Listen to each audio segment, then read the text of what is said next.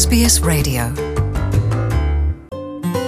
SBS မြန်မာပိုင်းကို အင်ကာနဲ့စနေနေ့ည10:00နာရီမှနားဆင်နိုင်တယ်လို့အွန်လိုင်းကနေလည်းအချိန်မီနားဆင်နိုင်ပါပြီ။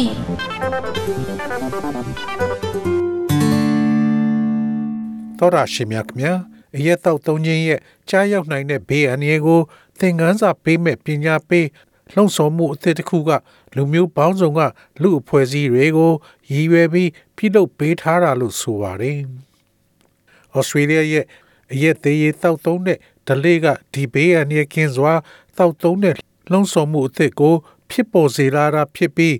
အရက်တောက်သုံးတာရဲ့အန္တရာယ်ကို migrant တွေကိုပညာပေးဖို့ရည်ရွယ်ထားတာဖြစ်ပြီးအရက်ကိုဘယ်လိုဘေးကင်းစွာတောက်ရမလဲဆိုတာကို ပြသဖို့ဖြစ်တယ်လို့ဆိုပါတယ်။ Victoria ချမ်းမာရေးကထောက်ပံ့ငွေပေးပြီး Alcohol and Drug Foundation က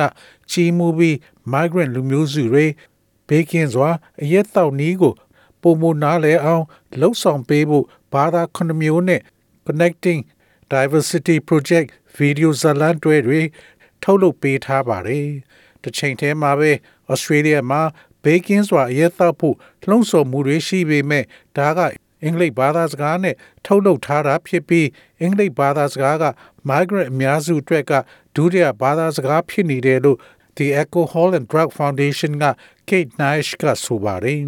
It's very important that we get messages that speak our language, so literally speak the language we speak, but also speak our language in terms of the culturally mediated perceptions and attitudes that we have. And I think that in Australia, we haven't really been including our whole society in some of those conversations. ကျမတို့ဘာသာစကားမပြောတဲ့လူတွေထံဒီအမှားစကားရောက်ဖို့ကအရင်အရေးကြီးပါတယ်။ဒါကြောင့်တကယ်ကိုကျမတို့ပြောတဲ့ဘာသာစကားကိုပြော ဒါပေမဲ့ကျမတို့မရှိတဲ့ယဉ်ကျေးမှုအရစဉ်းစားဆင်ခြင်မှုသိမြင်နားလည်ခြင်းနဲ့သဘောထားတွေအရကျမတို့ဘာသာစကားပြောတဲ့အပြင်ဘက်ကလူတွေအတွက်ပါဒီဗီဒီယိုကဩစတြေးလျမှာရှိတဲ့အိန္ဒိယနဲ့ချင်းမြန်မာလူမျိုးစုတွေနဲ့တိုင်ပင်ညှိနှိုင်းပြီးထုတ်လုပ်ထားတာဖြစ်ပြီးဒါမှသာယဉ်ကျေးမှုအရအရက်တောက်တာရဲ့ကွာခြားမှုကို လုံလောက်စွာသေချာအောင်လှုပ်ဆောင်ပေးနိုင်မှာဖြစ်ပါတယ်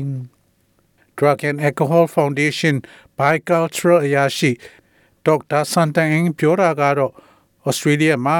အရက်ရှိနေတာနဲ့အလေးထားတဲ့ပုံက migrant လူမျိုးစုအများကြီးနဲ့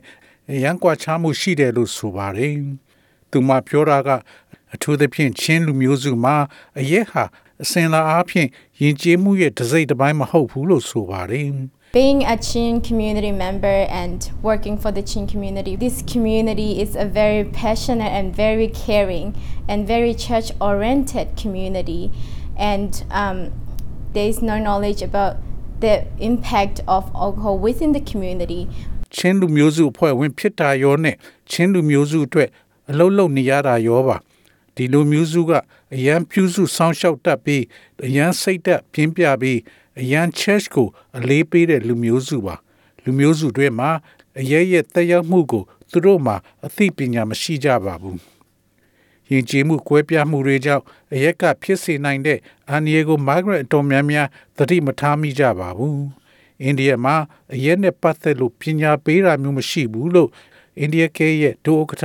Ed Shom ကဆိုပါတယ်။ဘာကြောင့်လဲဆိုတော့အရက်တောက်တာကိုမကောင်းတဲ့အရာလို့ ကဲရဲ့ပြောဆိုနေတာမျိုးတွေရှိနေလို့ဆိုပါတယ်။ဒါကဘာလို့ဖြစ်စေလဲဆိုရင်အရက်တောက်တာဆွဲနေတဲ့လူတွေကအကူကြီးရဖို့မချီးကပ်ကြဘူးဆိုတာဖြစ်တယ်လို့သူကဆိုပါတယ်။ Traditionally in India, uh, alcohol is something a bit frowned upon. So even if there are issues with alcohol, the tendency is to downplay that or not own it up. အစင်လာအဖြစ်အိန္ဒိယမှာအရက်ဆိုတာကဘဝမကျတဲ့အရာတစ်ခုဖြစ်ပါတယ်။ဒါကြောင့်အရက်နဲ့ပတ်သက်လို့ပြဿနာရှိခဲ့ရင်တောင်ဖြစ်တတ်တာကအဲ့ဒါကိုအရေးမကြီးသလိုလောက်တာမျိုးသို့မဟုတ်ဒါကိုတာဝန်မယူတာမျိုးပါ။ဩစတြေးလျမှာကယောဂအားလုံးနဲ့အနာတရဖြစ်တာရဲ့ခုနှစ်ရာခိုင်နှုန်းဟာအရက်အလွန်ကျွံတောက်တာနဲ့ဆက်နွယ်နေပါတယ်။တစ်ချိန်တည်းမှာ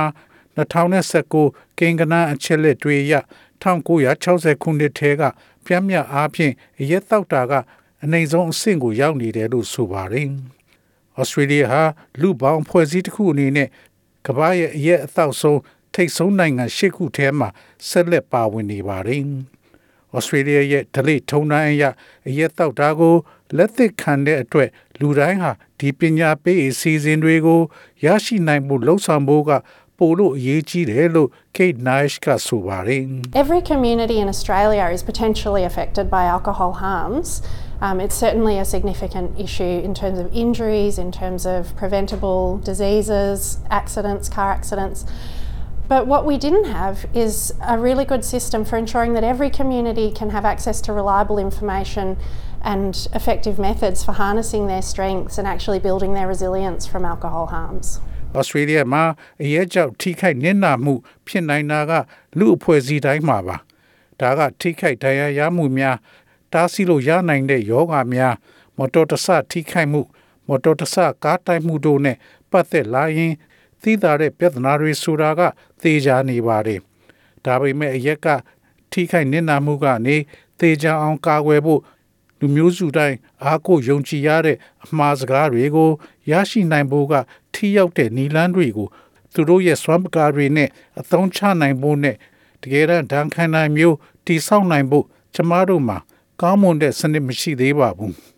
ပညာပေးလှုံ့ဆော်မှုဗီဒီယိုတွေက ကြီးစုသူများကို ပုံမှန်အရက်ကိုဘလို့တိုင်းတာရလဲ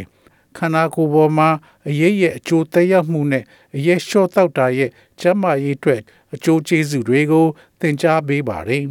။ Drug and Alcohol Foundation ရဲ့ website မှာဒီဗီဒီယိုကိုအလွယ်တကူရရှိအောင် လုပ်ပေးထားခြင်းဖြင့်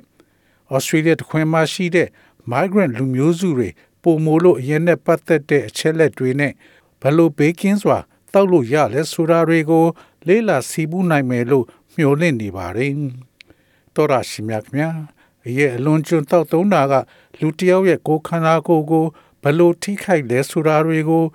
စမ်းစစ်မှုရာပေါင်းများစွာကဖော်ပြထားပြီးဖြစ်ပါတယ်။ Australia လိုနိုင်ငံမျိုးမှာအမျိုးမျိုးပညာပေးနေတဲ့ကြားကအလွန်ကျွန်းတောက်ကြမယ်ဆိုရင်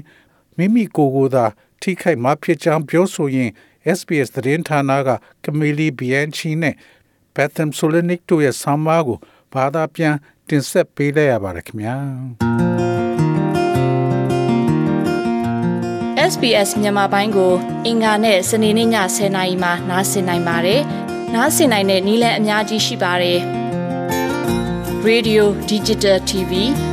Online ဒါမှမဟုတ် SBS Radio App ကနေတဆင့်နားဆင်နိုင်ပါတယ်။ SBS မြန်မာပိုင်းအစီအစဉ်ဖြစ်ပါတယ်ရှင်။